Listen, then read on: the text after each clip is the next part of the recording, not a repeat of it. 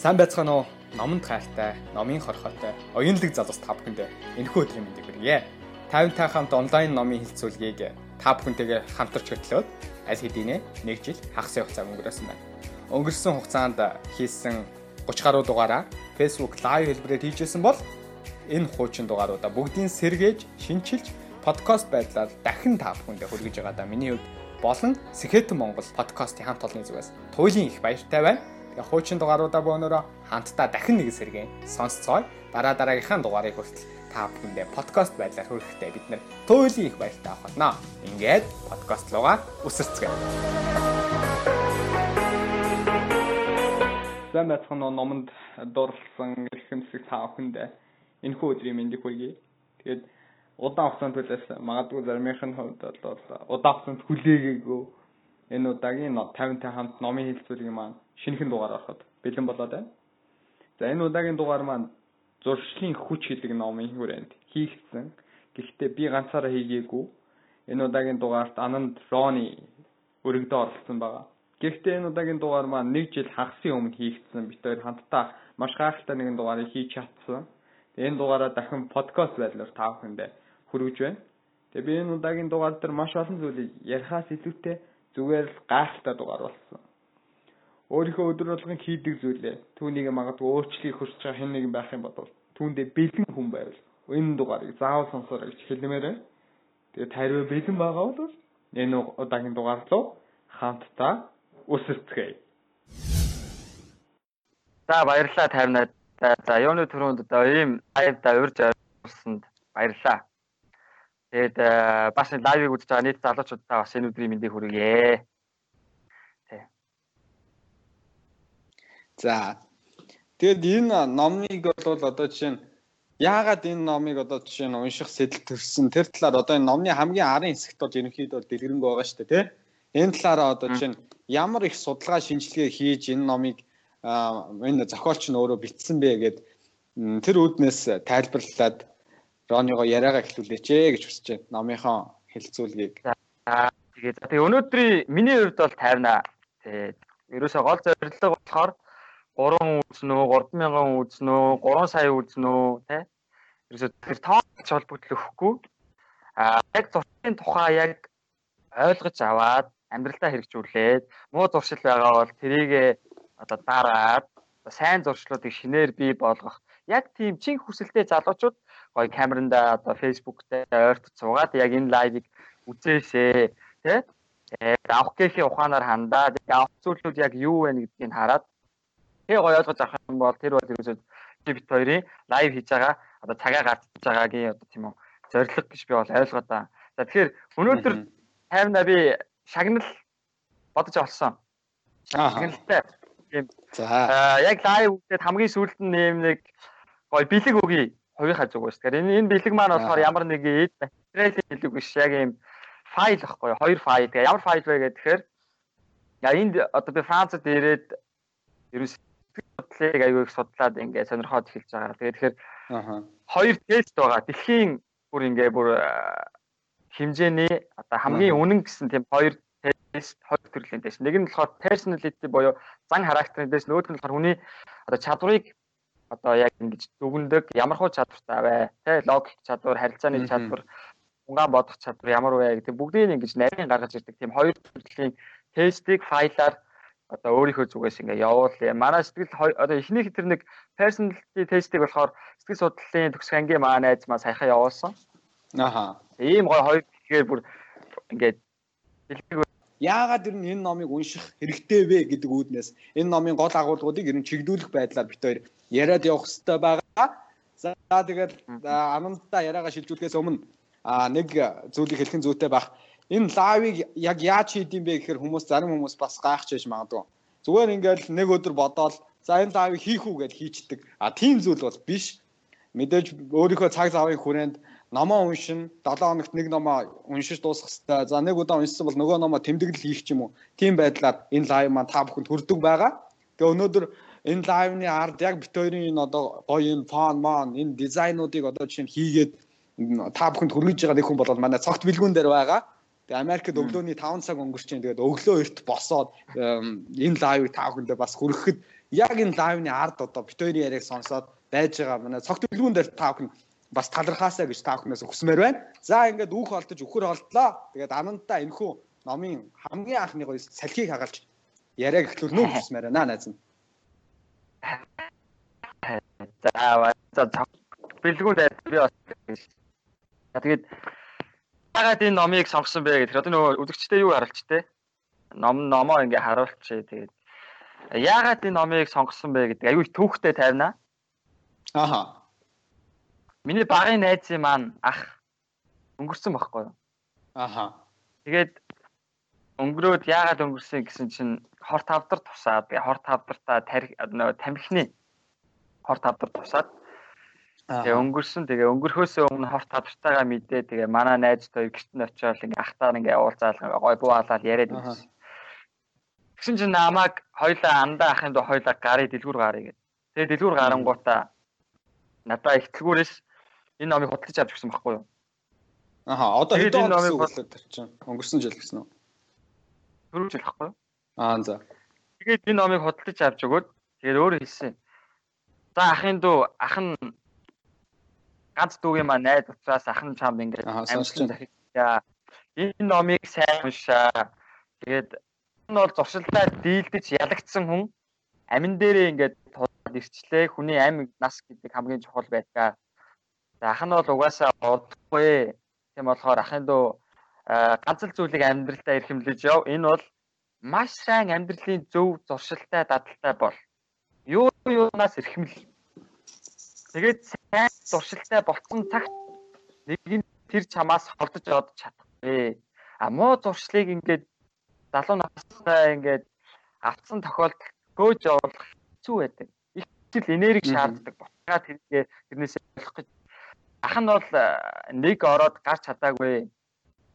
Тэгээд нэг л битгэхэд ингээд ирцэн байж тийм учраас аль болох муу хоол бай. Дөрвөн зүйлээс ингээд хоол бай гэж надад захисан дөрвөн зүйл нэг үү гэхээр тамхи хүүхэн казино дөрвөөс ахын дуу хоол бай. Тэгээд өөрийн гэсэн сэтгэл зүйн дархлаатай бай. Ямарваа нэгэн муу зүйлээс өөрийгөө ингэж түлхэж чаддаг, гаргаж чаддаг одоо бусдын нөлөөнд автахгүй тийм үзэл бодолтой тийм бай гэж одоо надад загчижсэн.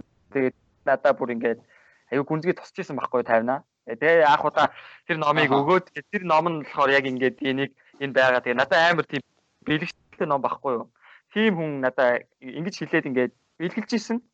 За тэгээд энэ номны тухайд болохоор юу вэ гэхээр тохиолч нь Чарльз Дүүхийг гэсэн нөхөр байгаа. Өөрөө болохоор Yale-ийг түүхийн ухааны одоо боловсрол эзэмшсэн хүн. За тэгээд дараа нь болохоор Harvard-д бизнесийн удирдлагаар магистр зэрэг хамгаалсан. За тэгээ өөрийнх нь гол төлөхгүй чадвар нь болохоор одоо нийгмийн асуудлыг одоо шүүмжилж нийтлэх бичдэг тийм чадвартай. Тэгэхээр 2007, 8, 9 онуудад болохоор Америк нэгдсэн улсын эдийн засгийн яг шүүмжлэлийг бичээд 2 3 нэр үндэсний одоо шагналыг авч ирсэн. Одоо одоо болохоор өөр New York Times-ийн сүүлчээр ажилладаг юм залуу байхгүй юу. А тэгээд энэ номыг бичихдээ 700 гаруй дипломын ажиллаад Harvard-ын дипломыг судлаад тэгээд 300 гаруй эрдэмтний а яриа тийм ээ яриа сонсоо тэр хүмүүс хийлцээд маш олон материал одоо судалгааны бүтээлүүд дээр үндэслээд энэ номыг бичсэн байгаа. За тэгэхээр энэ ном болохоор их гайгүй хөөрхөн цөөхөн 436 хуудастай гэсэн мөртлөө зуршлын тухай айгүй хөөрхөн аа яг гоё амин амин чухал сүнсүүдийг нь багтаагаад бичсэн байгаа байхгүй. Аа тэгээд энэ номыг болохоор Монгол тэр орлогын тухай жоохон би яг шүүмжлэхэд жоохон онцгой орчуулсан солонгос хэлээс хөрвүүлсэн байна лээ. Харин тиймэрхүү ийм шалтгааны улмаас би энэ номыг уншсан тайвна. Ааха. За тэгээд э, энэ номон дээр бол нөгөө яг гурван хэсгээс бол ерөнхийдөө бүрдэж байгаа шүү дээ тий. Хувь хүний хөгжлийн зуршил, байгууллагын зуршил, нийгмийн зуршил гэдэг. Тэгэд одоо хоёулаа эхнээс нь ерөнхийдөө яг хүмүүс түргэх энэ хэсэг нь ерөнхийдөө бол маш сонирхолтой байсан гэдэг тэр хэсгүүд ингээд аваад аваад аваад багслаад байлаа яриад явах уу те аа за тэгээд тэгээд бид найз нь болохоор яг энэ номыг уншаад Тэгээ альва ямар нэгэн номыг уншихад хэрэгжүүлэх чухал. Ааха. Энэ номыг уншаад яг ямар яаж хэрэгжүүлсэн бэ? Яаж мөрдлөг болгосон бэ? Тэгээ ном уншичаад ямар нэгэн байдлаар ойлгосон ч гэсэн хэрэгжүүлэхгүй бол тэр бол ямар ч үр дүнгээ бол өгөхгүй хайрын таг үрсэн асуудал болж байгаа. Тэгэхээр яаж хэрэгжүүлсэн бэ? Ямар туршлагыг шинээр өөртөө сулгасан? Яаж тэр нөгөө хуучин муу туршлуудаас салсан бэ гэдэг тухай ярилцсан ном яг явц дундаа чинь найстай сануулж байгаа. За тийм. За тэгээд номны тухай болохоор 3 бүлэг гэдэгсэн хувь үнийх. За тэгэхээр эхнээс нь ингээ ахуулаад ингээ яри. За зуршил гэдэг зүйл яг яаж бүрэлдэн анх бий болдог юм бэ? Тийм ээ. Шин зуршил яаж бас бий болдیں۔ А хуучин зуршлаа бид одоо халахын тулд яг юу хийх ёстой вэ гэсэн нэг тийм хэд хэдэн томьёонуудыг бас энэ ном шигтгэж өгсөн байгаа. Тэгэхээр хамгийн ихэнд тантай жишээ байна тайрна. Ааха. За тэгээ найз ингээ зургийг харуулч. Тэгээ зургийг харуулж чагаад аюу гой тайлбарлаад ингээ ингээ тий. Аа.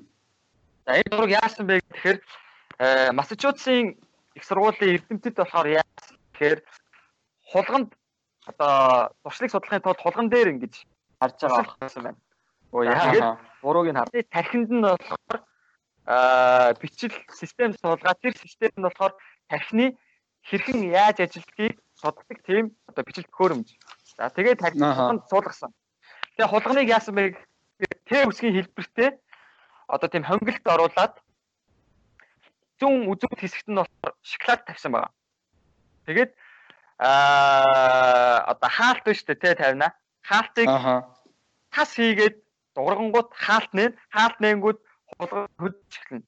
За тэгээ эхэндээ яасан бэ гэх тэгэхээр хулган маань орчин тойрондоо их гайхсан, айдсан байдалтай, айсан, точсон их тийм ээ тэр сандарсан шинж тэмдгүүд илрээ тархин айгүй их өндөр ачаалттай байгаа.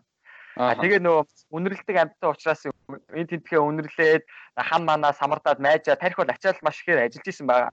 За урагшаа хойшоо гүүж ингээ явсаар байгаа хамгийн сүүлдээ шоколадаа олоод үнэрлээд идсэн байгаа. За тэгээд тэр яг давтамжийг болохоор маш олон удаа ингээ давтсан байгаа. За тэгээд 7 хоногийн турш бүр хэдэн зуун мянган удаа яг нэг дээр тэр давтамжуудыг хийсэн байгаа. Тас гэж дуургаал одоо хаалтын нээгээл нөгөө хулганчин гараад нөгөө шоколад дээр. Тэгээд ингээ их давтамжийг хийгээд тах тусам хийгээд тах тусам яасан бэ гэхээр нөгөө хулганы тархины ажил нөгөө нөгөө графикийг ингээ ажигласан чинь давтамж ихсэх тусам тархины ажиллагаа багасч гисэн. Тарих өөрөөр хэлбэл тарих ажиллахгүй аа дээрэс нь хурд нэмэгдэж гисэн. Нөгөө нэг чимээг сонсоод хаалт нэл нөгөө тарих нөгөө нөгөө хулганчин шууд шоколад руугаа маш хурдтайгаар гүйсэн. Элдв янзын нөгөө нэг самардаж майжихгүй тийм ээ одоо үнэрлэхгүй яа хэмжээ өөр зүйл анхаарал хандуулахгүй тэнд угаасаа шоколад байгаа гэсэн одоо бодолтойгоор тийшгээ хурдтай явсан. Тэгэхээр энэ бол хамгийн одоо зуршлын ихний процесс юм а гэж л бол энэ эрдэмтэд тайлбарлаж байгаа байхгүй. Тэгэхээр одоо манай залуучууд яг энийг ингээд ойлгохдоо бол айгүй их бодож байгаа гэж би итгэлтэй. А тэгээд өөрөөр хэлбэл зүгээр ингийн амьдрал дээр жишээ авъя л да тий тавина. Бид нар ногоо ирчдэг штэ. Би бол одоо ингээ багтаа ингээ хоол их гээд ногоо ирчиж хахад ингээ ихчихээ одоо нөгөө хоол хийж байгааг ингээ хараад одоо тэр хүн амьтантаа ярингуудаа тэр сонгон монгныг амар хурдан ирчиж байгаа байхгүй юу. Яаж юм хурдан тэр гараа зөрчихгүй ингээ хурдан ирчээд нөхөн амьтантаа яриа зурагтаа үзээ дуу сонсоод ингээ те дуудуулаад ингээ өөр тийшээ хараад хоол ирчээд байгаа. Тэгээ би анх удаа ингээ хэрчгтэй болохоор гараа зөрчихгүйс ингээ маш их хичээгээд анхаарал тэн дээр 100% төвлөрүүлээд өөр хүнтэй ярих юм бол гараа эсгэж штэ. Тэгэхээр сүүл рүүгээ 2 жилийн дараа одоо болохоор би зүгээр ингээд хүн яриа яг л их чигээ байгаа аахгүй. Тэгэхээр сүүл рүүгээ яаж юм гэхээр альва ямар нэгэн зүйлийг удаан хийх тусам автомат чиж эхэлж байгаа. Хүний тархин дотор хоёр тархи байгаа. Нэг нь механик тархи, нөгөөх нь автомат тархи гэж. Механик тархи бол маш их эргэцүүлэх, бодох, тунгаах чадварыг шаардсан. Автомат тархи маань бол тэг шаардлагагүйгээр өөрөө ирэхгүй бие организм тэр үйлдэлийг хийдэг бодохгүйгээр. Тэгээд бас нэг өөр жишээ юу вэ гэхээр за машин жолооны өмнөлттэй үлээж чинь. Бага. За тий. За анх механик машин байдаг байхад яадаг байлаа. Бас л хурган сандран шүү дээ. Аа. урган сандран ийш тийшээгээ харан толируугаа харан хүн амьтандаа ярьж чадахгүй шүү дээ. Тэр чинь анх удаа машин барьж байгаа тоороос андуур нь хаазаа андуур нь ингээ явсаар байгаа аюу анхаарал өндөртөө сүүл рүүгээ машин бариад ирэхээр яадаг вэхээр аа тодорхой хэмжээндэр тэр нь автомат болоод тэр паркинг маркинг бол зүгээр ямар ч маш хурдтай ажиллаж эхэлнэ. Ааха. Тэгэхээр ерөөсөө зуршлын зүгээр энгийн симпл зүйлийг яг энэ томьёогоор хэлээд байгаа юм л та. Аа батгүйгээр л үйлдэл өөрөө цаанаасаа хийгдэж батгүйгээр. Тэгээд аа манай залуучууд ер нь бид нэр ер нь яадаг вэ гэдэг тийм байна. За яриа өргөжлүүлье. За тэгээд ер нь бол угаасаа зуршил гэдэг зүйл чинь болохоор автомат гэж хэлээд байгаа. Тэгээ хамгийн сонин нь яасан гэж тавина. Аха. Хэсэг хугацааны дараа нөгөө хоолгоны чинь заяа. Яг нөгөө хавханд нь буцааж аваачиж тавиад нөгөө чимээг сонсгосон байгаа байхгүй юу? Тэгээ нөгөө нэг хаалт авсан байгаа. Тэгсэн чинь нөгөө хулганы өмнөх зуршлууд маш хурдан сэргийжсэн. Ааха. Юу гэсэн үг вэ гэхээр хүний зуршил алга болдоггүй гэж байгаа. Хүний зуршил тархины нэг болонд хэсэгт байнгын хадгалагдаад байж идэг.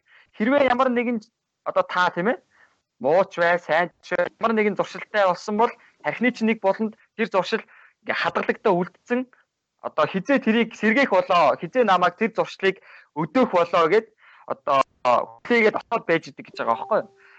А тэгэхээр юу гэж хэлэх гээд байна бэ? Залуу насандаа одоо ямар нэгэн муу туршлыг бидээ ингээд авчлаа тийм үү? Аа одоо юу гэдэг айгүй муухай ууртаа уцаартаа бухимдалтай нэг тийм хүнтэй хайцагтай амар характер муутай байлаа гэж. Чи бас дуршин шүү дээ. Байнгын хүнтэй хайцагтай ингээ хүнтэй ийг амаавал чадахгүй байлаа. Нилээ ингээ явж байгаад 30 нас 40 наснд дахиад тэр характер илрэх магадлал өндөр гэсэн. Аа. Тэгэхээр нэг архинд орсон хүн архинаас түр хугацаанд гараад дахиад буцаад архинд орох магадлал бас өндөр болж байгаа. Тэгэхээр юу гэж захих гээд юу гэж хэлэх гээд байна вэ гэхээр залуу насандаа зөв хүчтэй сайн зуршлыг нэгэнтээ бий болгоцсон бол тэр чинь тархинд чинь хадгалагдаж үлдээд биеийн буюу хамгийн сайн эм болж өгч байгаа. Тархины хамгийн сайн эм. Өөрөөр хэлбэл өглөө эрт босох, хүнтэй сайхан харилцах тийм ээ. Гоё энергитэй хүмүүс байдаг шүү дээ. Гоё яриад, тийм хүнтэй сайхан харилцдаг, яадаг, өөрийн гэсэн гоё үзэл бодолтой, хүн муулдаггүй тийм ээ. Өглөө босдог, юм сайхан сэтгэлээсээ хийчдэг, гоё хөдөлгөм өөрч тийм ээ, гоё хариуцлагатай. Ийм дадал зуршлыг нэгэнтээ би болгоцсон тохиолдолд тэр маань би тархинд нэгэнтээ ингээл инсталл хийгдэл байж л байдаг гэсэн. Тэгэхээр яаж хийгээд хичээгээл сайн зуршлыг биедээ бий болго. Энэ бол маш чухал гэж хэлжлээ хэлж байгаа байхгүй юу? Тэгэхээр бид нар болохоор юмыг хойшлуулах тавина. 10 жил юу гэж боддог гэж 10 жил болохоор тэгж боддог байхгүй. За би өстой оюутан болоод оюутан ах болоод оюутан ихч болоод өстой гой мундаг ах болно, мундаг ихч болно, гой сайн болно. За тэрийг өглөө ирсэн доо оюутан болох юм бол ингэнэ.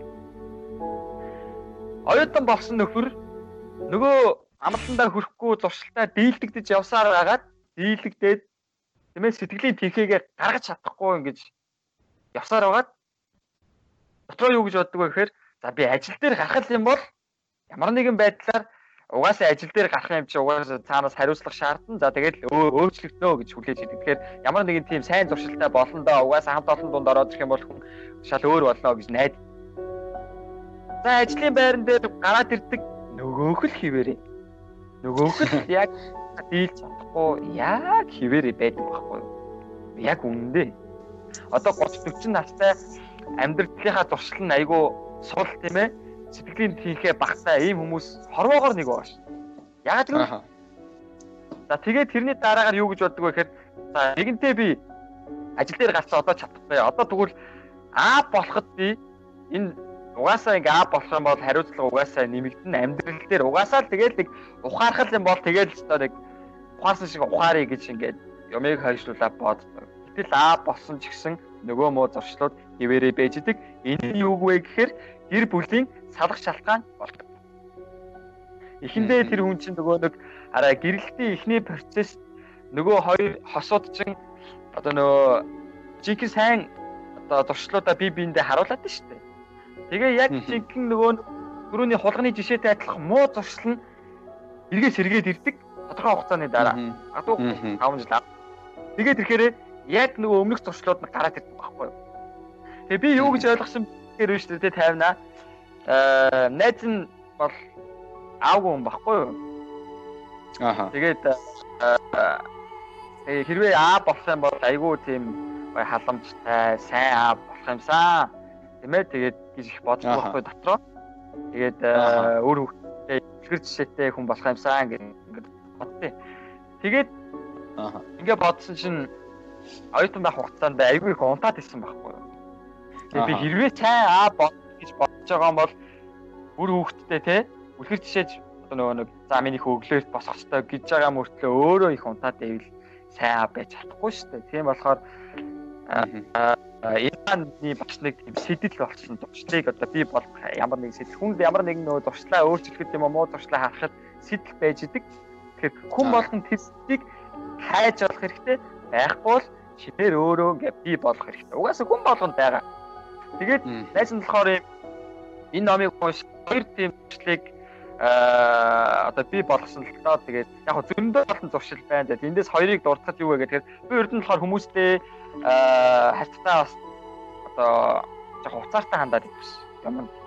За ямар нэг юм болохгүй бол жоохон ууралчих гал хүмүүстэй бохомдчих гал тэр нэг тийм байдаг байсан. Тэгээд яасан бэ гэхээр одоо энэ номыг уншсанаас хойш энэ дурслаа дасах хэрэгтэй юм байна. Тэгээд одоо 2 жил найз нь ерөөсөө юмд уурлаж бохомдохгүй тийм 2 жил болж нэг яваад одоо. Аа. Уурлах юм шалтгаан байхгүй. Ягаад гэвэл яагаад вэ гэд юмны цаатах нь ингээ ойлгоод ирэхээр юмд угаасаа уурладаг юм байлээ. Тэгээ одоо би би сэтгэлд угаасаа ингээ хоногшоод үлдсэн. Энэ бол тэ ямар нэгэн сайн туршил байгаа байхгүй. Гих мэдсэн гэхдээ эхэндээ бол аюу хэцүү байсан. За хоёр дахь туршил юу вэ гэхээр одоо ганц найз нь ирснээс хойш 4 сарын турш одоо өөрийгөө жоохон чангалж байгаа. Тэгээд угаасаа гадаадд байж бүрэг чангалахгүй бол болохгүй шүү дээ. Чи асар их хөрөнгө мөнгө зараад одоо ингээд цаг хугацаа яваад байна. Тэгэхээр өглөө босноос хойш утастай холбоотой чи бид нөө утасаа одоо нөгөө майждаг Монголын хамгийн нэг том проблем гэдэг нь тий. Энийг найз шийдсэн байхгүй юу? Хуваалцах уу? олон хүнд яг наад чи хэрэгцээтэй баг. Би би Ma-гийн тухай номын хэлцүүлэг дээр яг нөгөө өөрийнхөө Facebook-ыг хянах, өөрийнхөө одоо чинь Facebook-ыг өдөрт одоо лимиттэй 30 минут юм уу 1 цаг оруулна гэж тоглоо ичдэг. Тэгээ тэр нь дуусчих юм бол ингээ гарчдаг гэж манай бэлгүүнээ надад тийм аппликейшнээс санд болгосон байхгүй. Тэгээ хүмүүсийг сонирхож байсан. Тэгэхээр чиний наад дээр чи хүмүүст их хүртээмжтэй байх баг. За тийм ээ. Тэгээд хүний нөгөө хүрээлэл найз нөхөд их чухал Би энд ирсэн чинь нэг хятад залуудаа нэг Франц хоёр залуудаа танилцсан байхгүй юу. Тэгээд би угаасаа хурж ирэнгүүтээ бас дотроо амар санаатай. Угаасаа тийм байхгүй бол болохгүй. Аа өө хин хичээлээ хийж ин хин жоохон хариуцлагатай байна. Тэрнтэй нь очиж шууд нийлнэ гэж дотроо бодож ирсэн. Дотроо очиж угаасаа тэгж бодоод хоёр хүн нүдэн та тэр хоёр очиж нийлэх байцсан л. Тэр хоёр болохоор одоо ерөөсөө утсаа оролцдог. Утсаа ерөөсөө тэгж нэт мэд байх, Facebook хаяг хүртэл байхгүй. Тэгээ хаягн дээр нь юу ч бас ингэ байдаггүй. Тэгээ нөгөө нэг анги мангийн сургуулийн уулзалтын групп янз янзын юмнуудад л ингээ нэг гişүүн байгаад байж н өөр юм дээр ингээ байдаггүй. Тэгээ өөр өөртөө юу вэ гэхээр өөртөө нэг технологи технологи талдаа бас амар сонирхолтой тэгсэн мөртлөө аа ямар нэгэн хэлж байгаа байхгүй. Аа. Би орой болгон юм уу өглөө болгон сэрхтээ Facebook ингээд оролдоод ингээд орох юм бол тэрэндээ бүр ингээд уягтаад гинжлэгдэх нь тодорхой юм байна. Тэгээ энэ бол бүр ингээд зуршил болчих юм байна. Тэгээ зуршил намайг дийлэх юм байна. Тийм болохоор би эндээс хол байх хэрэгтэй гэж бодоод би эндээс холцсон гэж тэр хоёр надад хэлж байгаа байхгүй. Тэгээ бол их зүг. Тэгээ тэр хоёроос бас үлгэр аваад хүн хүнээсээ сайн зүйлийг авах хэрэгтэй шүү дээ. Тэгээд одоо болохоор найз нь яаж байгаа вэ гэхээр өглөөс ирээд буцаа гэртээ үлдээ гэд явдаг. Оройны 6 өнгөрөөгөө ирэн 6 өнгөрөөд гэртээ орж ирээд угаасаа энэ чи ажил хийж байгаа. Тэгээд ажил хийгээд уцаа орохгүйгээр 6-аас 8 цагийн хооронд Facebook орно. За тэгээд 6-аас 8 цагийн хооронд орчоод тэгээд одоо интернет орох уу, яах уу, сошиал медиа хүмүүстэй холбогдох, гэрийнхэнтэйгээ чатах, найзуудтайгаа ярилцах, тиймэрхүү юмнуудаа 6-аас 8 цагийн хооронд гэхдээ 7 хоногийн 4 өдөр нь босод өдрүүд нөгөө шууд блок хийгээл бүх орчингоос тасарч байгаа. Яагаад тэгэхээр нөгөө гар утас гэдэг зүйл чинь өөрөө болохоор сүүл рүүгээ нөгөө хүний энергийн шимэгч хорхоо болж хуурж байгаа байхгүй юу. Одоо тэгээ энийг болгоор айгүй их ойлгоцсон. Тэгээ эндээс маш их холдох хэрэгтэй. Их ойрхон байвал бидрийг ингэж нэг их гэж сүгдэх юм байна гэдгийг айгүй сайн ойлгоцсон. Тэгээд одоо болохоор нэг байгаа хоёр дахь зүйл нь юу вэ гэхээр за энэ сэтгэл судлалтай жоохон холбоотой байж магадгүй миний одоо дадал туршил заяа. Хүн унтахын өмнө нь шүү дээ те. Одоо манайхаа унтахын өмнө одоо манай би гэрийнхэндээ аягүй хилдэг байсан байхгүй. За анаа та наад утсаа болоо унтахын өмнө наадах чи хэрэггүй ботлохгүй манай их чинь хөвчих захта окей нөгөө юу гэ гэрлээ ингээ унтраагаад уцаа орлоод идэг байхгүй. Болохгүй яаж их муу гэ. Тэгээ яадгүй гэхээр одоо болохоор найз нь унтахынхаа нэгээс 1 цаг 30 минутын одоо унтахын өмнө ерөөсөө тэгсний төрлийн юм харахгүй бүр ингээ тас хоригдсан өөрийгөө блок хийдэг болохгүй. А тэгээд одоо яадаг вэ гэхээр 30-аас 60 минутын хугацаанд уншлаг хийн. За тэгээд бас нэг гоё хобби байгаа. За тэр хоббиг бол олон хүмүүс дэлгээд яг тэр бол хүний гоё кайф таашаал авдаг нэг тийм сонирхолтой байдаг. Тэрийг хийгээд сэтгэл санаа амар гоё болно. Бүр сэтгэл санаа бүр амар гоё бүр баяр жаргалтай болоод тэгээд орондоо ордог. Тэгээд хүн биш дээ 50 энийг мэдээд авчихад их зүгээр. Хүн орондоо орохын өмнө ямар сэтгэлтэй байна? Тэ? Өглөө босоход тийм сэтгэлтэй босч ирдэг. Өглөө босоод сэтгэлтэй байна. Бүхэл өдрийн турш яг тийм сэтгэл ханамжтай, яг тийм одоо энергийн одоо тийм биоритмд явагддаг. Тэгэхээр л өглөөдөө биш унтахын өмнө юм байна гэдгийг найз нь болохоор борд ч угаасаа сэтгэл хангахаар их алдартай. Тэгээд ийм сэтгэл судлалын ном уншаад найз нь олж мэдсэн. Тэгээд энийг бас бусад залуучууд хуваалтууд их зүгээр юм болов уу гэж бодсон. Ичээж гисэн тийм ээ мэдээд авчвал их зүгээр. Унтахын өмнө хүний энерги маш өндөр гэдэг юм одоо нөгөө хүний сэтгэл зүйн байдал маш өндөр гоё сайхан байх нь их чухал бай. Чухал юм байлээ шүү. Тийм байна. За тийм байна. За тэгээд цаашаа ахаа өргөжлүүлээ номныхаа тухай За хоёр дахь зүйл юу вэ гэхээр эхнийхээ хулхамтай жишээ хоёр дахь зүйл маань юу вэ гэдэг яг энэ номыг уншиж байхад бол одоо зуршлын тойрог гэдэг нэг юм байгаа даа. Зуршлыг бүрдүүлэгч хүн гурван шат гэдэг байгаа шүү дээ. Өдөөгч өдөөгч зүйл байгаа даа. Аа хоёр дахь зүйл нь болохоор давтамжит үйлдэл гэж. За гурав дахь зүйл нь болохоор үр дүн буюу шагнал гэдэг. Тэгээ үүнийг болохоор өөрөө зуршлын тойрог гэж нэрлээд байгаа байна л да. Энэ номон дээр одоо манай зохиолчийн хувьд гаргаж ирсэн. Үүнийг болохоор зуршлын зуршлын алтан дүрм гэж нэрлэдэг байна Аливаа зүйлийг та өөртөө бий болгохын тулд хамгийн эхлээд өдөөгч зүйлийг өөртөө бий болгох ёстой гэдгийг энэ номон дээр бол гаргаж ирээд. Тэр өдөөгч зүйл нь өөрөө юу байх вэ гэдгийг. Энэ дээр одоо жишээ нь пепсодент гэдэг оог одоо та бүхэнд жишээ болгож хэлээ л дээ. Шүдэ угаах зуршил гэдэг. Шүдэ угаах зуршил хэрхэн дэлхийн нийтийг хамарч чадсан бэ гэж. За пепсодент гэдэг оог бол дэлхийн нийтэд бол анх танигдахдаа одоо төдийлөн газар аваг байсан. Пепсодент гэдэгооноос өмнө маш олон оо гараад хэдийн зах зээл дээр бий болцсон. Тэгээд дэлхийн 2 дугаар дайны үед цэргүүдэд ч гэсэндээ одоо чинь амны хөндийн маш олон өвчлөл бий болдог болсон. Тийм болохоор энэ оо хэрэглэх, ам угаах энэ амны хөндийн асуудлууд бол маш их тулгамдж байсан асуудал. Тэгээ пепсодентийг анх зах зээл дээр гаргасан төдийлөн амжилт олоогүй. Тэгээд хүмүүст анх пепсодентийг бий болгосон нөгөө залуу би энэ оогоор одоо жишээ нь ингээд тэрбумтан болно гэж хэлэхэд хүмүүс юм гайхчихсан. Чи юу яриад байгаа юм бэ? Энэ зүйл байх боломжгүй. Тэгээ явж байгаад нэг юм бодис хэрэгсэн ба. Тэр нь ямар бодис вэ гэхээр оон дотор сэнгнүүлэх бодис байсан. Одоо бид нар ингээд амаа угаахтай жишээ нь аа ийм мэдрэмжийг өөртөө төрүүлж яхана ш. Бид нар одоо шинэ хэлээрээ тавка одоо шүдээ ингээд шүднэ шүдээ ингээд мэдрээрээ тэгэхээр ингээд одоо өнгөр мэдрэгдэж гин үгүй юу гэж. Тэгээ ингээд өнгөр мэдрэгдэж явах юм бол миний шүд одоо шинэ бохор байна гэдгийг хүмүүст одоо ингээд тийм өдөөгч зүйлийг өгж. Тэгээд анх зүгээр ингээд нэг эмийн бэлтгэлтэй тийм одоо чи амны хөндий кальц одоо потастай ч юм тийм оо ингээ үйлдвэрлэл гаргасан чи хүмүүс төдийлийг хэрэглэхгүй байсан. Зуршил болгоогүй амаа төдийл угаадгүй тийм байдлаас. Тэгээд нөө сэнгнүүлэгч бодис хийцэн чинь хүмүүс нөгөө амаа угаахаар ам угаасан юм шиг нөгөө мэдрэмж төрдөг. Тийм нэг өдөөх зүйлийг өгөөд байна л та. Тэнгүүд хүмүүс нөгөө зуршил олж эхэлж шít. Би одоо чинь ингээ гатаа овоо аваад ингээ амаа угаагаад амаа угаасан дараа ингээ ан сингэнхээр би ингээ нэг амаа нөх гоё угаацсан юм шиг те. Ингээ ямар ч өнгөргөө болсон юм шиг тийм мэдрэмж төрдөг. Тэгээд энэ Pepsodent доод дэлхийн нийтэд ингээд зах зээл дээр маш богино хугацаанд хүчийг авч чадсан байна. Энэ нөр хүмүүсийг ам угаах зуршил бол дэлхийн нийтээр тархаж идсэн. Тэгэхээр өдөөгч зуршил гэдэг зүйлийг өглөө бий болгох хэрэгтэй юм. Тэр өдөөгч нь одоо чинь юу байх вэ гэж. Манай Ронигийн ярьж байгаа тэр хулганы жишээн дээр бол одоо чинь шоколад байсан тийм. А яг шоколадны үнэр аваад одоо чинь тэр болон руу ингээд давхиж байгаа байхгүй. Тэр нь өдөөгч зүйл байсан. Давтамжид үйлдэл нь юу байсан бэ гэхээр тэр шоколад олохын тулд ингээд тэр замаар ингээл тэнүүчлээл үнэрлээл. Тэгээ эцсийн дүнд нь болохоор шагнал нь юу исэн бэ гэхээр шоколад байсан. Тэр дөрвөлжин шоколад. Одоо тэр шагналыг тэр хулган очиод идсэн. Одоо тархин дээр нөгөө зуршил бий болоод байна.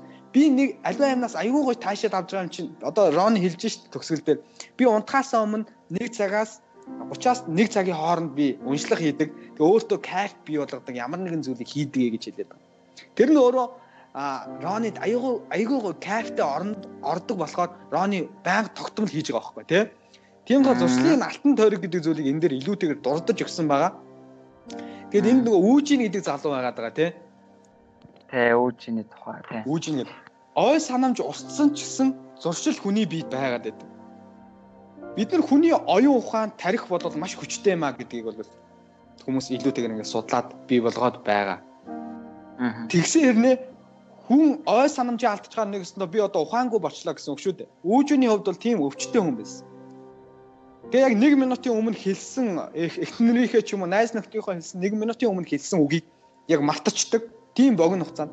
Гэтэл нөгөө зуршил нь амьдралынхын зурш тогтсон зуршил нь бол тэр хүнд байгаад байдаг. Ой санамжаа алдсан ч гэсэн босч очоо хөргөчөө онгоолгоод хөргөчнөөсөө хоолоо гаргаад идчихдэг. Тэгээ ингээ гэрээсээ ганцаараа салхилдаг гэж байна. Тэгсэн хэрнээ нөгөө ой санамжаа алдсан хүн чинь төөрөхгүйгээр буцаад гэртээ ороод ирдэг. Энэ нь яасан бэ гэхээр биднэрт оюун ухаанаас илүүтэйгээр бас хажууд нь зуршил гэдэг маш том хүчтэй зүйл байгаад байна. Үүнийг бид нар залуу байгаа цагтаа зөвөө суулгаад өгчих юм бол нас тогтоо 40 нас 50 наснда очисон ч гэсэн энэ зуршлынхаа хүчээр өөрийгөө бид нар удирдах ах боломжтой юм аа. Магадгүй бид нар ингээд а тархиа ажилуулаагүй байгаа тохиолдолд өөрөө ирэхгүй ямар нэгэн үйлдэл хийж эхэлдэг. Энэ нь өөрөө зуршлын хүч байгаа даа. Өглөө болгон бид нар эрт босох ёстой гэдгийг хүмүүс ухаардаг. Амжилттай байхын тулд бид нар цагийг зөв зөвтэй зарцуулах хэрэгтэй. Одоо бид нар жишээ нь фэйсбүүкийг бага орох хэрэгтэй. Энэ бол маш их цаг урж байгаа гэж өөртөө хэлдэг. Гэхдээ бид нар ороод байна гэдэг чинь магадгүй бидний оюун бодлоос илүүтэйгээр зуршил биднийг илүү хөдөлгөж чадчихээн. Өдөрдөж чадчихээн гэдгийг нэг илрэл байх гэж би бодож байна, тийм. Тэгээ энэ тал дээр Ронигийн хувьд одоо жишээ нь цаашаа сонирхолтой илүү илүү гоё жишээнүүд байгаа зуршлын тойрог дээр нэмээд ярих ямар ярианууд байна. За байхгүй шүү дээ. Ингээл хойл дуусгах шүү дээ. За тэгвэл дуусгах. За ийм байна. За тэгээд цаашаа ингээ явхаар байна шүү дээ. Тэний яг зөв тэр Pepsodent-тай чинь ахаад зүгээр дуртахад бол аа ерөөсөө хөөсрөх гэдэг шүү дээ. Pepsodent дээр тийм хөөсрөх тий тий тий. Тий тий ер нь бол шүд угаахад хөөсрөх ямар шаардлага байдгүй гэж байгаа байхгүй? Тий. Тий яг хөөсрөх шаардлага байхгүй тэрийг зүгээр албаар бий болгодог. Тэг хөө аманд нэг хөөс мөөс байгаад байгаа сингэлсэн амт байгаа учраас л тэр хүн шүд угаасан мэт ингээд гайхамшигтай тийм мэдрэмжийг аваад байгаа юм шиг шүд угаацсан юм шиг тийм гоё мэдрэмж төрөөд байгаа. Тэр нь болохоор тэр чиний тэр хилээд байгаа тэр нөр тойргийн шагнал нь болж ирээд байгаа байхгүй? Тэгэхээр ямарваа нэгэн зуршлын цаана ямар нэгэн хүлээлт сайхан хүлээлт байж идэг. Одоо жишээ нь Facebook орно шүү дээ. Facebook ороход ямар нэгэн гоё мэдээлэл ч юм уу, ямар нэгэн хүн гоё зураг тавьдаг ч юм уу, ямар нэгэн сонирхолтой юм байгаа гэж бодвол хүн найдаад ороод тэр бүх юм юу вэ гэхээр бидний тархинд л байгаа даа. Өөр ямар ч юм байхгүй. Тэгээ цаашаага ингээ явъя. За одоо маа зуршил маань одоо цаашаага ингээ дом болно. Юу вэ гэхээр хулгантай жишээ маань дуусаад одоо сармагчтай жишээ орж байгаа. Яасан бэ гэхээр аа ийм байгаа байхгүй. Нэг сармагчин бас ингээд Тэнд орж ээ хөөх амт муугаараа амт ингээ оруулах юм та тэрний ор намайг оруулчихгүй гэхгүй. Тэгээд сармагчиг оруулсан яасан гэсэн ингээд компьютерийн уртал суулгаж байгаа байхгүй тавина. Компьютерийн уртал суулгаа. За тэгээ хажуу талд нь болохоор ийм нэг татдаг юм гурвалжинтай юм татдаг юм юм ингээд аха тавьсан да. Би болчонгаа харуулаагүй шүү зүгээр ингээд татдаг юм. Тэгээд дэлгэцэн дээр компьютерийн дэлгэцэн дээр болохоор ийм гурван төрлийн дүрс гарч ирж байгаа. Аха. Дүрс гарч ирэхэд одоо тэр нөгөө нэг сармагчин тэр нөгөө нэг татваргыг татна. Татваргыг татхад яах вэ гэхээр сармагчин өөрөө өөрөлцөгний шүүсэнд маш дуртай байдаг байхгүй. Тэгээд эхэндээ болохоор нөгөө сармагчин чинь гаягаад эргэн тойрон айжаад одоо нөгөө ахиа тархины процессыг ингээ ажигласан. Одоо нөгөө ахиа тархин маш хүчтэй ажиллаж эхэлсэн. Тархин маш их ачаалттай ажиллаж эхэлсэн. Ингээд Дэлгүүгээр нөгөө хүн чинь хаана ороод ирсэн, яасан, яадаг бариулав, яадаг дүрсүү, гурвалжин дөрвөлжин бөөрийнхээ сарвчин ч ойлгохгүй ядаж хахад.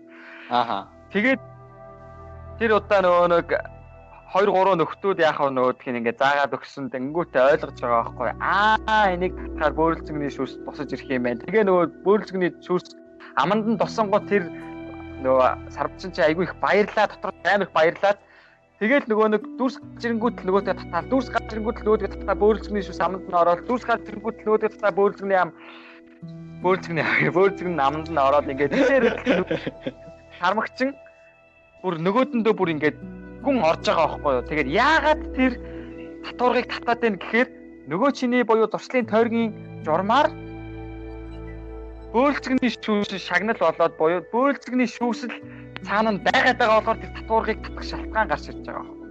Аа. Тэгээд түл рүүгээ ингээд тэр сармагчиг хулганаас илүү олон хийлгсэн байгаа. Тэр нөгөө нэг татамжийг нь тэгээ сүл рүүгээ нөгөө нэг бөөлзгний шүүсээ татаж аваад нөгөө нэг дэлгэцэн дээр 3 4 одоо 3 4 дүрс гарч ирэхэд юмаа татсан чи бөөлзгний шүүсийг асуулга болцсон Тэгсэн нөгөө сармагчингийн реакцийг судалсан байгаа байхгүй судлаачид. Тэгсэн бай гэхээр тэр чинь нөгөө нэг гарч ирэндээ гэж бүтгэхийг ингээ найдаад бүр нөгөө сэтгэлийн бүр хөөрөх процесс явагдаж байгаа байхгүй. Бүр их хөөрөх процесс ингээ гүн рүүгээ ингээ ороод бөөлцгний шүс тусахгүй болонгууд тэр сармагчин уурал барих хэрж гарч реакц үзүүлж тэр хавьд байсан нөгөө юмнуудаа ингэж авч шийдэлж тэр чинь нөгөө тийм реакц үзүүлж байгаа. Өөрөөр хэлбэл энийг амьдрал дээр ингэж буулгах юм бол одоо жишээ нь архинд орсон хүн тийм ээ.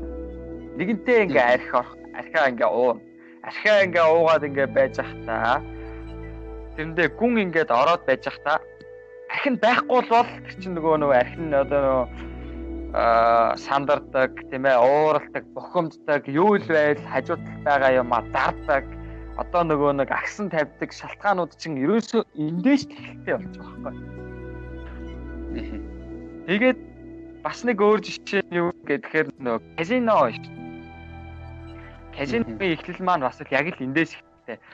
Зуршил хэцхийг гүнзгүй оронгуудаа болж орж эхэлдэг. Зам маань яаж ийн гэхээр хүний зан ааш руу орж эхэлдэг.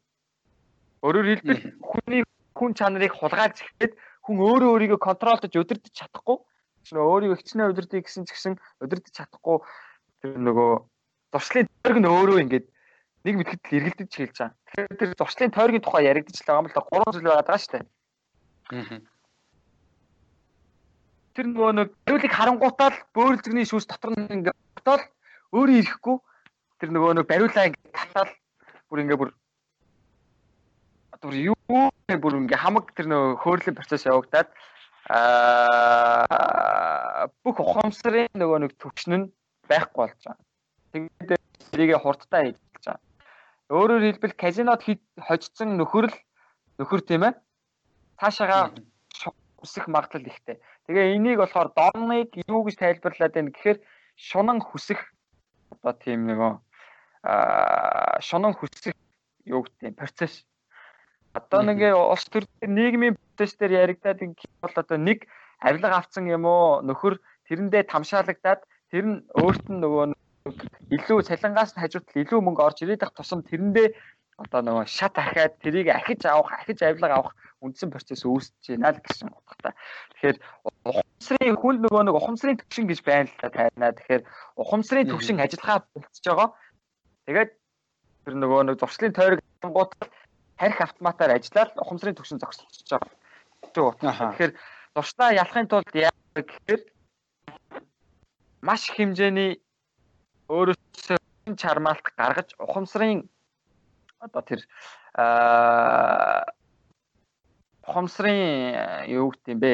Тэр ч та энэ дээр аа дор юу хомсрын тойргийг л ажиллуулж эхэлнэ гэсэн санааг хэлээд байгаа юм л. Тэгэхээр Үнзээ рүүгээ явхад бол маш их аюултай. Тэгээ хамгийн гоё жишээ юу гэхээр би энэ номон дээр байхтай би хуваараа олж авсан юм. Монгол хүмүүс биш тавина. Аха. Хайцангуу туршлаа ялтан дээр багтлал маш өндөр гэж гарсан байна. Азийн одоо улсууд туршлаа ялтан дээр маш өндөр. Яагаад гэж жишээ нь Монгол улс дээр аваад үзэхээр бид нар баг байхад яадаг байсан бэ гэхээр яагаад Монгол баг туршил баг хорт туршилтай байсан бэ гэхээр одоо үед л бид нэг одоо нэг 90-ад оноос л архинд ороод сүүл рүүгээ нэг одоо нэг толгой хэдэн балчуудын нөхдүүд казино руу ороод тэгээд нэг аягүй тамхинд ороод байгаа 90-ад онд одоо Чех руу Польш руу явж тамхи зөөгөл тамхинд их ороод байгаа болохоос өмнө бол нэг тийм амар хорт туршил бол манай монголчуудад байгаагүй шүү дээ. Яагаад вэ гэхээр цэрлэх Монгол байгаа. Өөрөөр хэлбэл багаасаа маш их нөгөө ёс суртахууны хүмүүжилтэй хүний үг сонсдог тийм ээ. Одоо тэр нөгөө гэр бүлийн одоо хүмүүс суур сайн байсан учраас одоо тэр нөгөө ямар нэгэн болох болохгүйгээ маш сайн мэддэг байсан. Одоо европчууд яаж ийн вэ гэхээр европчууд чинь болохоор хитгэж чиглэлтэй нөгөө хүүхдийг багаас нь бие даан гэсэн мөрөд одоо манай Франц найзууд надад юу гэж хэлдэг гэж маа одоо маа найзууд маань бас 40 50 хүмүүс ч гэсэн бас байгаа байхгүй. Тэгээд Францын ганц гол проблем юу вэ гэхээр залуучуудыг хүмүүжилд дийлдэхгүй байна л гэж ярьж байна. Залуучуудыг хүмүүжилд дийлдэхгүй, залуучууд нь нэг зуршилд орохороо тийг өөрсдөө татаж гаргаж чадахгүй байна. Энэ бол маш осор том проблем болчиход байна гэдээ ярьж байгаа байхгүй юу. Тэгэхээр энд чинь нөгөө итгэхийн нөгөө сэтгэл төрөл emotional ихтэй учраас аа одоо нөгөө хүнийг ээж аавыгаа ч гэдэг юм уу сонсох сонсохгүй байх тийм ээ өөр өөрийгөө контрол би өөрийгөө мэдчихээн гэсэн нэг зураараа ааш жоохос тал нэг тиймэрхүү байдаг да Монгол залуучууд яадаг харьцангуй илүү хүмүүстэлтэй, суйртай, ядаж нэг нэгээ хайрладаг. Тэгэхээр засархад юм уу ямар нэгэн одоо буруу зуршил бидэнд тогтоход тэр засагдах магадлал маш хурдан болж. Тэгэхээр бид нар давуу тал байна. За. За тэгээ нэг иймэрхүү байна. За тэгэхээр хулгантай сарбагчтай жишээ буюу зуршлын 1 2 дугаар шат гэсэн нэг иймэрхүү процесс явагдаж байгаа. Энэ бол ингээд моншонгууд аягүй сонирхолтой Аа зуртал чи ерөөсөө л яг ингэж үүсдэг юм байна штэ. Би энэ дээрээ алдаад байсан юм байна штэ. Аа. Хүн яг онцгой яг нэг Тий яг ойлгох тийм байлээ. Нэрээ. Яг тийм. Оо ямар юм те. Тэрээс нь маркетингийн сэтгэл судлалын нөхдүүд бас энийг уншвал бас их зүгээр санагдсан зүгээр яг хачир болгоод хэлэхэд. За тэгээд аа сүүлийн зүйл юу вэ гэхээр муу зуршлаа тэгвэл яаж хаях вэ буюу хуучин зуршлаасаа яаж салах вэ? Тийм ээ? Энэ тэгэхээр зуршлын алтан дүрм гэдэг зүйлийг энэ номон дээр гаргаж өгсөн. Зуршлын алтан дүрм. Тэгэхээр маш олон жишээнүүдийг энэ дээр хэлж өгсөн ч гэсэн одоо цаг баг байгаа учраас цөөхөн минутанд тодорхой хэмжээ ойлгомжтойгоор ярих гэж хэлчихье. Өөрөөр хэлбэл орлуулах арга гэж зуршлын алтан дүрм. Тийм ээ? Орлуулах арга нь яадаг вэ гэхээр А олол харга нь яадаг вэ гэхээр аахаа гэд хар чамаг юм ярих чам бол гэдэг энэ зогссон. За олол харга нь яадаг вэ гэхээр айгүй энгийн. Тамиг хүн биш үү те. Тамигнасаа маш ингээ проблемтай ингээ байж байгаа. Тэр номны маш олон жишээнүүдийг яриул айгүй удаан бол учраас тамиг татдаг хүн аа тамиг татах хүсэл үүснэ шүү дээ Тэр хүсэл үүсгэд тэрийг ямар нэгэн үйлдэлээр орлуулна л гэсэн. Арх одоо ингээд уух гэж байгаа хүн биш үү те? Одоо арх уухтаа ямар нэгэн тийм арх уухтаа өөр зүйлээр орлуулна гэсэн. Зүгээр ингийн үгээр хэлэхэд тамхи татгаж байгаа хүн тамхиныхаа оронд богц ажиллах, арх уух гэж байгаа хүн архиныхаа оронд одоо оранжийн жуус уухч байдаг юм өөр эерэг туршлаа солих. Тий нөгөө давтамж давтамжит үйлдэлээ л өөрчлөх юм байна шүү дээ тий. Оо яг үнэ яг үнэ тий. Өдөөгч нь бол ижлээдэг. Яагаад тэгэхээр тамиг татах одоо тэр дотроос нэг юм ингээд байх тэр нь бол хүнд байна. А тэгээд тамиг татчаа кайф авдаг тэр мэдрэмж нь үрдүн нь бол байна. А гэхдээ тэр тэр хоёрын дунд үйлдэл хийгээд байгаа тэр давтамжит үйлдэл юу одоо тамиг татах зүйлээ одоо шинэ би ингээд тамиг татах гээд никотин хэрэг болдог ч юм уу тамиг татахын оронд би одоо чинь кофе ууж болох юм шүү дээ. Тамиг одоо чинь маш их хүнд ажил хийдэг хүмүүс ихэвчлэн тамхи татдаг шүү дээ тий. Яг тэр богино хугацаанд сэргдэг гэдэг. Тэрнийх оронд би чинь маш кафеин өндөртэй хар кофе уугаадах юм бол бас энэ тамхи татдаг зуршлаа өөрчлөх боломжтой юм байна тий. За за. Тэгээ яг үнэ. Тэгээ яг үнэ. Гэхдээ наа чинь бас яг чин дээр наадан дээр ч бас анхаарахгүй бол яагаад тэгэхээр кафе гэдэг чинь өөрөө маш хүчтэй учраас өдөрт одоо шинэ энгийн хүн 20 удаа за биш за 10 одоо нэг тамхи сигарет татлаа шүү дээ тийм ээ 10 сигарет татлаа арууланд нь кофе уух боломжгүй яагаад гэх юм бол чи хүний кафений хэрэглээ хэтэрхий ихсээд чинь шууд одоо тэр чинь нэг сар үргэлжлэх юм бол шууд өгөх магадлал аюултай учраас бас тэрийг тооц олох хэрэгтэй гэсэн хэлжлээ байгаа юм л та. Тэгээд одоо нэг өглөө одоо нөгөө босдог хүмүүс гэдэг байгаа шүү дээ. Унтдаг хүмүүс байгаа шүү дээ. Тэр хүмүүс чи яадаг вэ гэдэг тэр аа шагнал гэдэг байгаа. Шагнал буюу хүн өөрөө өөрийгөө урамшуулах юм бол ямар нэгэн байдлаар би махбод өөр тэрийг хийдэг гэж хэлээд байгаа байхгүй. Тэгэхээр одоо жишээ нь банан дуртай хүн байлаа гэхэд аа өглөө 5 цагт босч чадах юм бол банана идэх гэхэд банана идэхийн тулд тэр хүн босох бол таарж байгаа байхгүй. Бүжиглэх дуртай хүн өглөө босоод бүжиглэн аль зүйлийг гоё аа гоё дуу сонсох дуртай хүн байдаг шүү дээ. Тийм хүн байх юм бол өглөө эрт босохдоо тэр за оройно удахтаа сонсохгүйгээр тийм ээ. За ингээ өглөө босоод тэрийгээ сонсондоо маш их хүлээлттэйгээр тэрийгээ хийх юм бол их ягаад гэвэл чинь 70 ухамсартаа ухамсартаа тэр үйлдэлийг өдөөгчийг хийгээд тэр шагнал нь хүлээгдээд байгаа учраас өөрөө ирэхгүй чинь тархичин цаанаасаа процесс удаа ингээд хийж явагдана гэж утгатай юм хэлжил байгаа юм л да. За тэгээд энэ юу вэ гэхээр нэг юм хэлмээр байна. За тамхи татдаг архиудаг гэдэг юм амар муухай хэлсэн үү би. Стасари. Аа зүгээр яг зүгээр шүү дээ. Хүмүүс яагаад яагаад анх эхэлж ийн вэ гэдэг тавина за. Яагаад тэр хүмүүс бүхэнд орж байна. Жишээ намайг анх ингээд өсвөр байхад майз гэсэн байхгүй. Угаасаа эрэгтэй хүүхд бүгд тэрийг одоо үдсэн л бах. За хөшөө нэг сорчих. За нэг нэг тавьчих гэдэг. Тэгвэл яагаад та нар тамхи татчих яг найз тусдаг асуугууд вэ сэтгэл санаа сайхан болд юм аа. Нэг сэтгэл гой болчихдаг юм аа гэх тээ. Яг тийж хэлдэг байхгүй юу?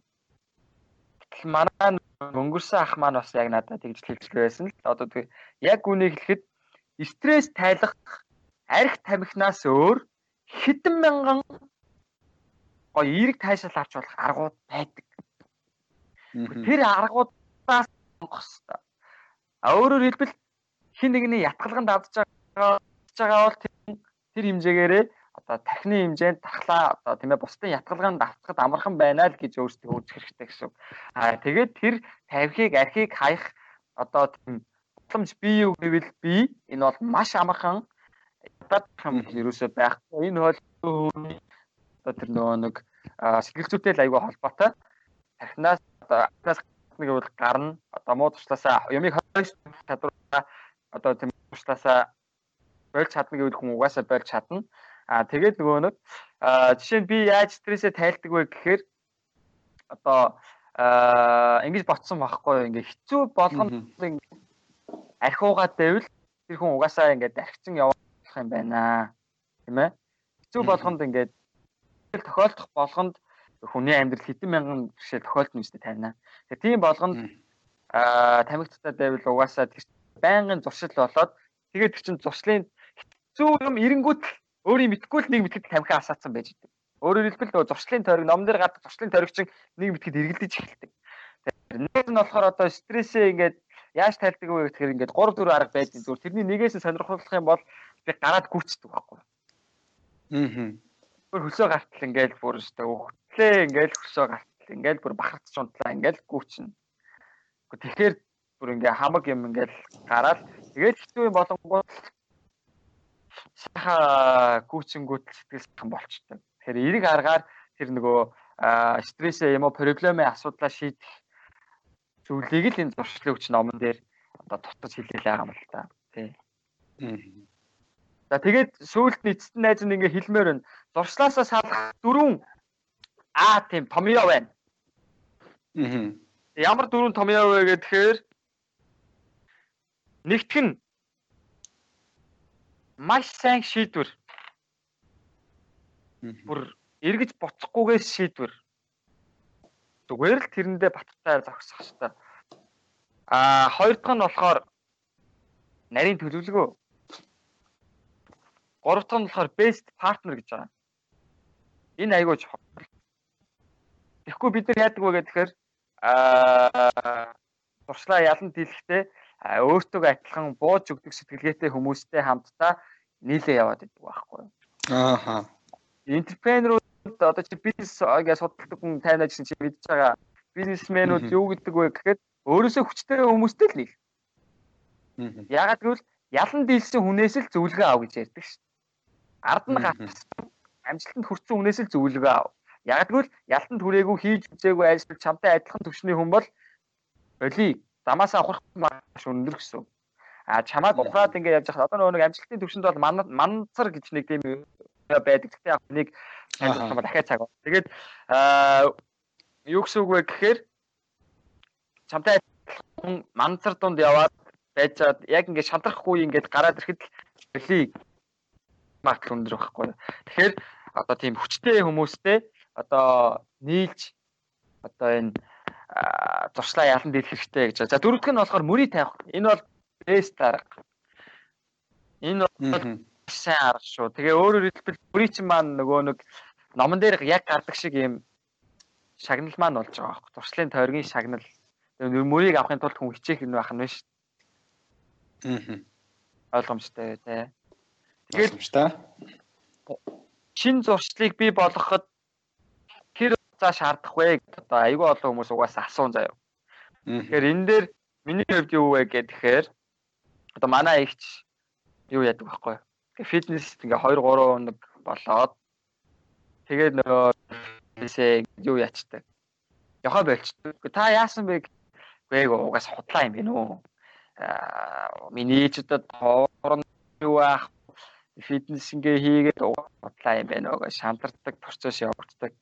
Гэтэл яг үнэндээ би бол 5 жилийн хугацаанд Франц хэлийг айгүй өндөр фокустай сурж иж одоо арай гайгүй нэг ярих төвшөнд очиж. Тэгээд цаашаагаа явхаар яввэ гэхэд тэгэхээр анх би нөгөө юу яаж ирсэн.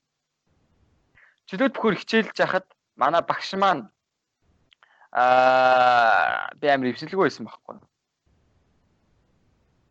Тэгээд аа тухайн үеийн хүүхдүүд намайг аюу шаалдгөө энэ нөхөр анх ороод ирсэн эвсэлгүй нөхөр гэдэг тухайн үед аа болчмоор ямар ядаргаат юм лайтай юм хэцүү юм болчдөг юм уу гэж айгүй их бодогддог л байсан. Тэгээд өдөр болгон бэлтгэлтэй за одоо явъя гүрийсэн юм чинь гэдэг. Тэгээд 2 жилийн дараа яасан гэхээр нөгөө тухайн бэлтгэлийг ахалж хийлэгдэг гэж нэг юм байдаг. Тэгээ нөгөө бэлтгэлээ ахалж хийдэгдэг болсон. Тэнгүүд чи яадаг вэ гэхээр урам зориг ороод ирдэг.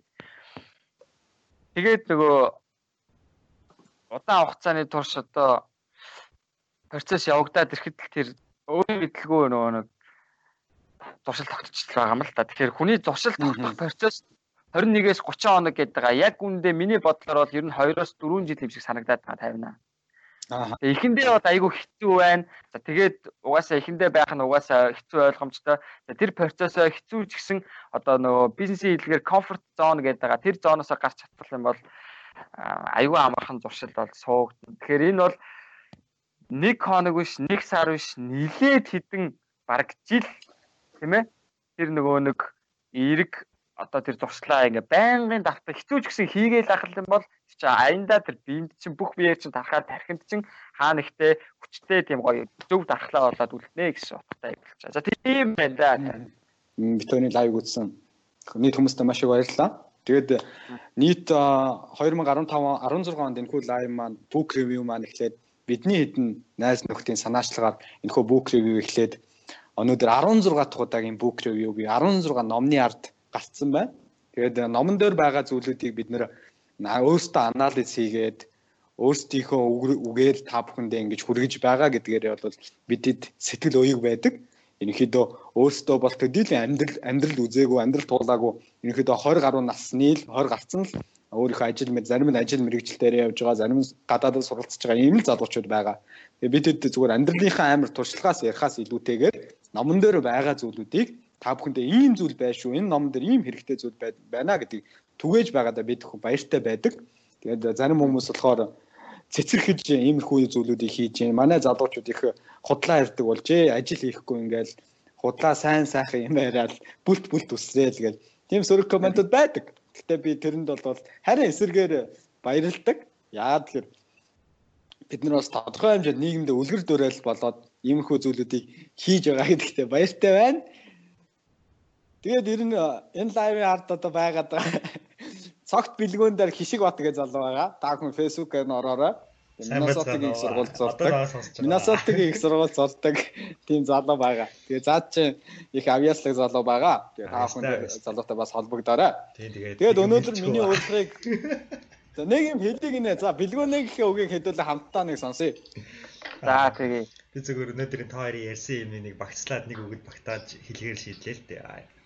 За. Бодол өгс болдгоо. Өгс үйлдэл болдог. Үйлдэл зуршил болдог. Зуршил зан чанар болдгоо гэж. За нэг юм байна. За баярлалаа. Тэгээ энэ номон дээр би яг хөө зүгээр бас өөрийнхөө ганц ойлгосон ганц ойлгосон гинэ. Ерөнхийдөө яг ингээд түргээд хэлчихээр ганц зүйл нь болохоор зоригтой хүрэх чадвар нь чадвар нь зуршил муу юм аа гэдэг. Хүний зоригтой хүрэх чадвар буюу өөрийгөө удирдах энэ чадвар нь бол булчин шиг байдаг гэж маш олон судалгаан дээрээс гаргаж ирсэн тийм дүн шинжилгээ байдаг юм байна. Тэгээ энэ номны нэг онцлог нь юу вэ гэхээр зүгээр хийсвэр байдлаар бичээгүй маш олон Америкийн ихтэй сургуулиудын эрдэм шинжилгээний ажил болон судалгааны ажил дээрээс бичсэн дүгнэлттэй бүр хэдэн удаагийн судалгааны бодит хүн дээр турсан, амтан дээр турсан судалгааны үр дүнг боловсруулж бичснээр бол илүү давуу талтай. Тэгээ энэ номыг англи хэл дээр нь та бүхнийг олж уншаасаа гэж илүүтэйгээр хүсэж байна. Яагаад вэ гэхээр энэ бол солонгос хэлнээр хөрвүүлсэн. Тэгэхээр хоёр хэл дамжаад хөрвсөн болохоор утгын хувьд бол жоохон тийм байж магадгүй. Гэхдээ бол их сайн ном, сайн орчуулагдсан ном гэж би ойлгож байгаа. Тэгээ англи хэл дээр олоод уншчвал хэлний мэдлэгээ илүү сайжруулад уншихад бас илүү дөхөн байх гэж та бүхэн бодож байна. Тэгэхээр хүний зорилгодоо хүрэх чадвар буюу тэр бодол бол булчинтай адилхан юм байна. Бид булчингаа маш ихээр ажилуулах тусам ядардаг. Тэрнтэй адилхан та өнөөдөр өглөөнөөс ахуулаад фэйсбુક ухаал байгаадах юм бол та зорилгодоо хүрэх чадвараа ядраагаал байна гэсэн. Тэгэл ядарч ядарч жагаад яг ороо суугаал та яг дэвтрээ аваад юм хийх гээр залхууч хүрээл орон дээр хэвтмээр санагддаг. Тэрнтэй адилхан зорилгодоо хүрэх чадвараа та бүхэн хайрлж байгаарай.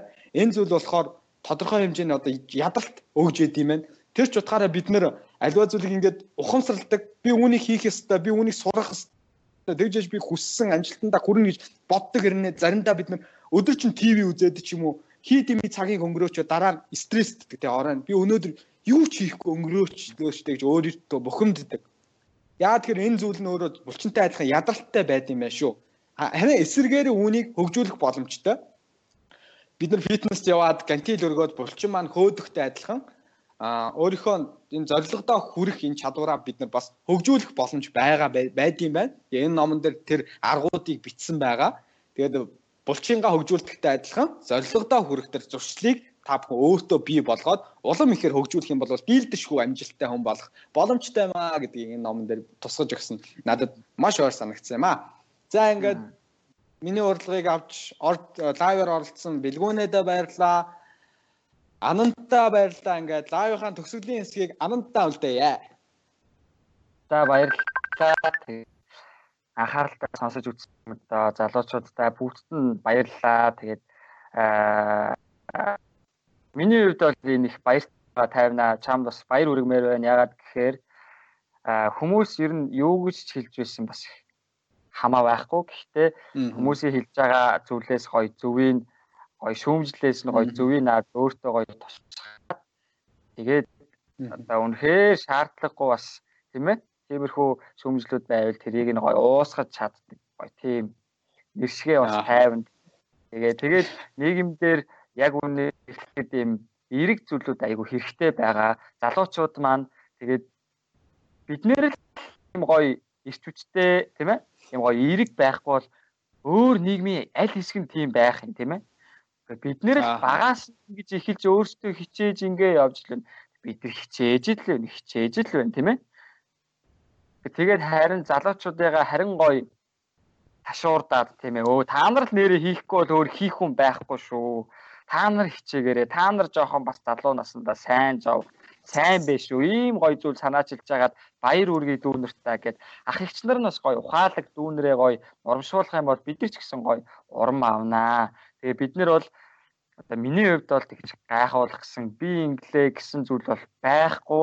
Миний баримтлагдаг зарчим хуваалцах дуртай. Ягаад гэвэл байхгүй байсан үеийг маш их мэдэрсэн учраас би хуваалцах их дуртай. За тэгээд олон юм яриад яг хуу зуршил бол өөрчилж болдог. Зөвл зуршлыг бид ялан дийлж чадна. Хүн болгон зуршлаад авч чадна. Дэлхий дээр хэдэн мянган муу зуршлуудаа давж чадсан залуучууд зөндөө байна бидний иргэн тойронд байгаа. Тийм болохоор зуршил бол өөрчлөх боломжтой зүйлээ. Тэгээ банк хийдэг зүйлээ бид нар маш сайн хянаж чадах юм бол зуршлаа өөрчилж чаднаа. Тэгээд өөрөө өөрийгөө сайн сэтгэлийн хаттай байх юм бол ямар ч юмны орд бол гарахад их дөхөн болно гэж хэлмээр байна. За тэгээд лайвынхаа хамгийн сүүлийн зүйл юу вэ гэхээр дэлхийд даяараа ер нь ингээд ганцхан зүйл их дутагдаад байна. Би чинь Facebook дээр ойр ойрхон бичээд байгаа. Тэр юу вэ гэхээр тавина. Энэ гоё хүмүүжил гоё сайхан сэтгэл их дутаад байна. Тэгээд үнэхээр эдийн засаг хямарсан ч гэсэн одоо найз нь болохоор өөр эдийн засаг ингээ үдчихэж байгаа. Тэгэхээр ганцхан зүйл юу вэ гэхээр эдийн засаг үнэхээр мөнгөгүй байсан ч гэсэн бид нар одоо байгаа гоё үн цэнэ буюу одоо сайхан сэтгэлээ үргэлж хадгалж авч үлдэх ёстой. Уриалгыг гаргамаар нь тэгээ залуучууд манай монгол залуучууд бол их ухаалгаад аа ер нь бол өөр хүмүүжил сайтай учраас хол явна гэдгийг боддог. Тийм байгаа шүү. Тэгээ залуучуудаа амжилт хүсье. Тэгээд ийм байгаа. Тэгээ найз нь болохоор утахгүй энэ энэ номонд болохоор ингээд унших зүйл авах зүйл ингээд битүү байна. Найз нь бол хоёлоо болохоор энэ юу байлаа шүү дээ номны баг юу юм бэ? 101 6 7 авийн ярьлаа шүү дээ. За баг 105 тий. Тий 105. Тэгээ Майкл Фелпстэй нэг жишээ байгаа. Надад тэр бүр ингээ бүр айгүй их таалагдсан. Майкл Фелпстэй жишээ. Тэгээ тэр Майкл Фелпстэй жишээг утахгүй зүгээр өөрийнхөө лайваар гоё цацъя зүгээр тэр хэсгийг гоё уншиж ч гэсэн уншаасаа заавал нөгөө худалдаж авахгүй ч гэсэн тийм хүмүүс байгаа шүү дээ тий. Тэгэхээр тийм хүмүүстэй зориулаад зүгээр яг өөрийнхөө лайв дээр гоё уншиж яг тэр хэсгийг зүгээр нэг 10 минут юм байгаа. Тэрийг уншиж бусдад гоё түгээнэ гоё хуваалцснаа гэж бодож байна. Надад бас их таалагдсан учраас өнөөдөр цаг гаргаж үзсэн нийт найзуудаа баярлалаа. Тэгээд энэ лайв алдсан бэлгүүнээд бас баярлалаа. Тэг манай хоёр залуу мундгаа мундаг. За ингээл лайв дуусгах та.